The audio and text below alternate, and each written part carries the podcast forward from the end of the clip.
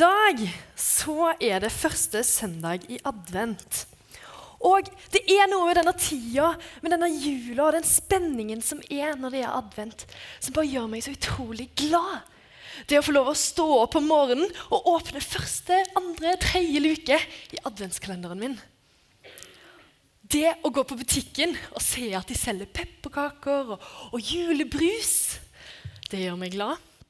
Og det å få lov å gå ut på kvelden når det er mørkt, og se så mange fine julelys.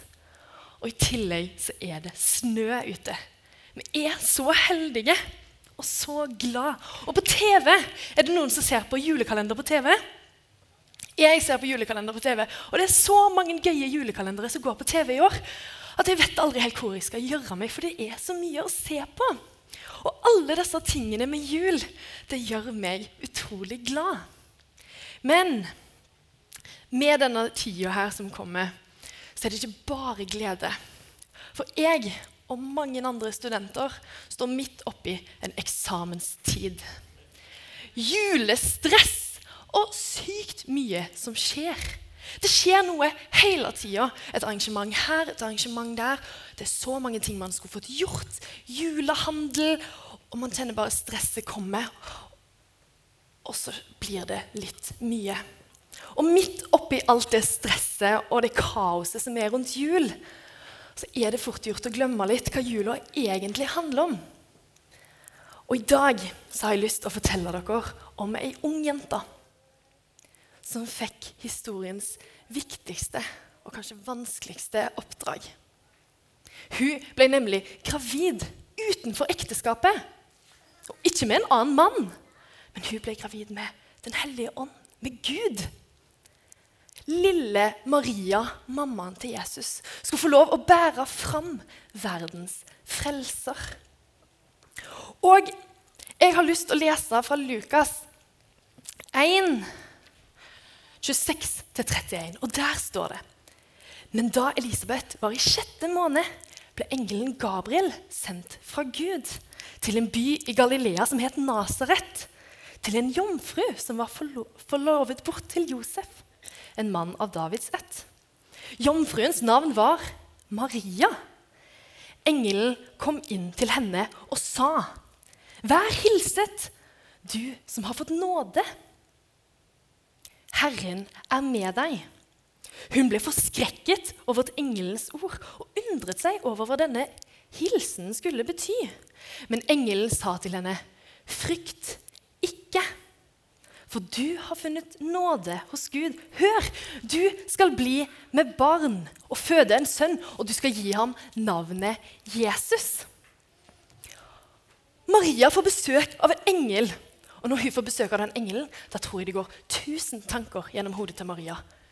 Gravid? Ja, men jeg er jo trolova med Josef! Hva vil han tenke?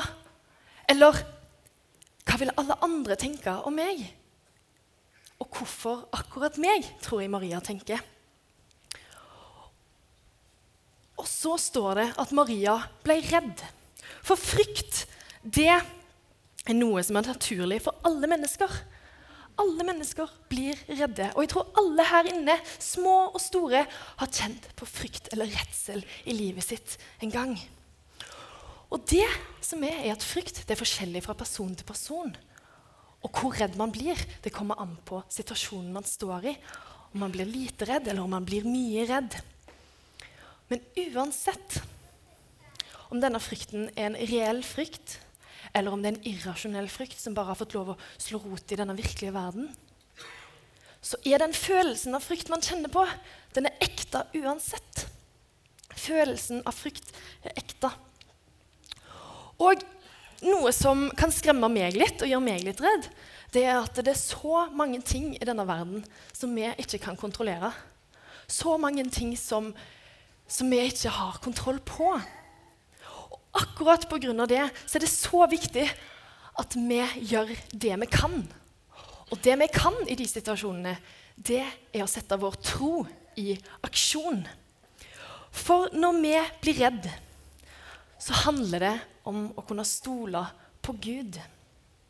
Når vi står overfor situasjoner vi ikke har kontroll på, så er vi nødt til å stole på Gud. Og vi må sette Han først. Og jeg vet at når jeg blir stressa, og når det skjer masse ting i mitt liv, da kan jeg glemme å sette Gud først. Jeg kan fort sette Gud litt på pause. Og når jeg ser på de periodene i livet hvor jeg blir mest stressa og har det mest fælt, eller kjenner at liksom, den redselen kommer inn på meg, det er da jeg trenger Gud aller, aller mest.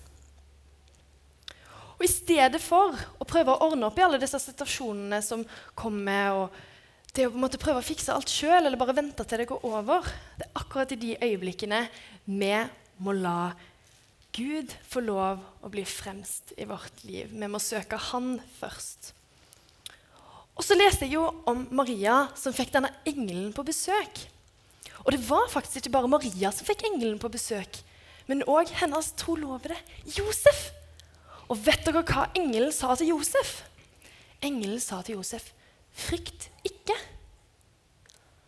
Så engelen har sagt til Maria, 'Frykt ikke'. Engelen har sagt til Josef, 'Frykt ikke'. Og så var det ikke bare Maria og Josef engelen sa 'frykt ikke' til. Det var hyrdene på marken som var ute og passa på sauene sine.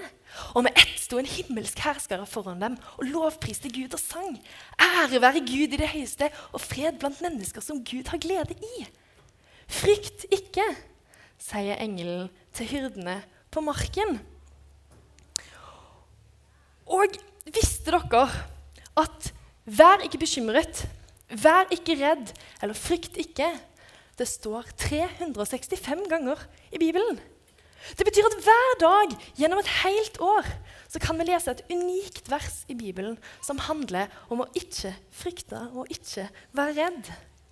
For Gud taler til oss midt i vår hverdag i den tida vi lever i. For den som har funnet nåde hos Gud, har ingenting å frykte. Når jeg gikk i 9. klasse, enten 8. eller 9. klasse, jeg husker ikke helt, så skulle jeg på en festival som heter Impuls. Er det noen her inne som har hørt om en festival som heter Impuls? Yes. Det hadde jeg gleda meg masse til. Jeg bodde i Haugesund, og festivalen jeg skulle på, den var i Stavanger. Og For å komme meg fra Haugesund til Stavanger så måtte jeg ta ei ferje. Og denne ferja går over en stor fjord. Og på denne fjorden så er det åpent hav. Og det betyr at det kan blåse opp til storm. Og Den kvelden jeg skulle på tur til Stavanger, så blåste det opp til storm. Og båten den gikk sånn som det her. Skikkelig fram og tilbake. Og jeg kunne se bølgene som bare blåste opp. og Alle bilene på ferja ble skylt ned av vann. Og hvis jeg prøvde å gå for å komme meg fra et sted til et annet, så sjangla jeg. Og jeg klarte ikke å holde balansen. Alle som satt på den ferja, var skikkelig redde. Jeg var skikkelig redd. Jeg trodde at ferja skulle velte. Så hele den turen satt jeg med en skikkelig frykt og en skikkelig redsel for at hele ferja plutselig bare skulle tippe rundt.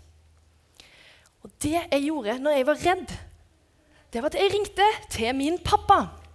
For min pappa, han er styrmann. Han har jobba masse på ferja og kjørt ferja i masse år.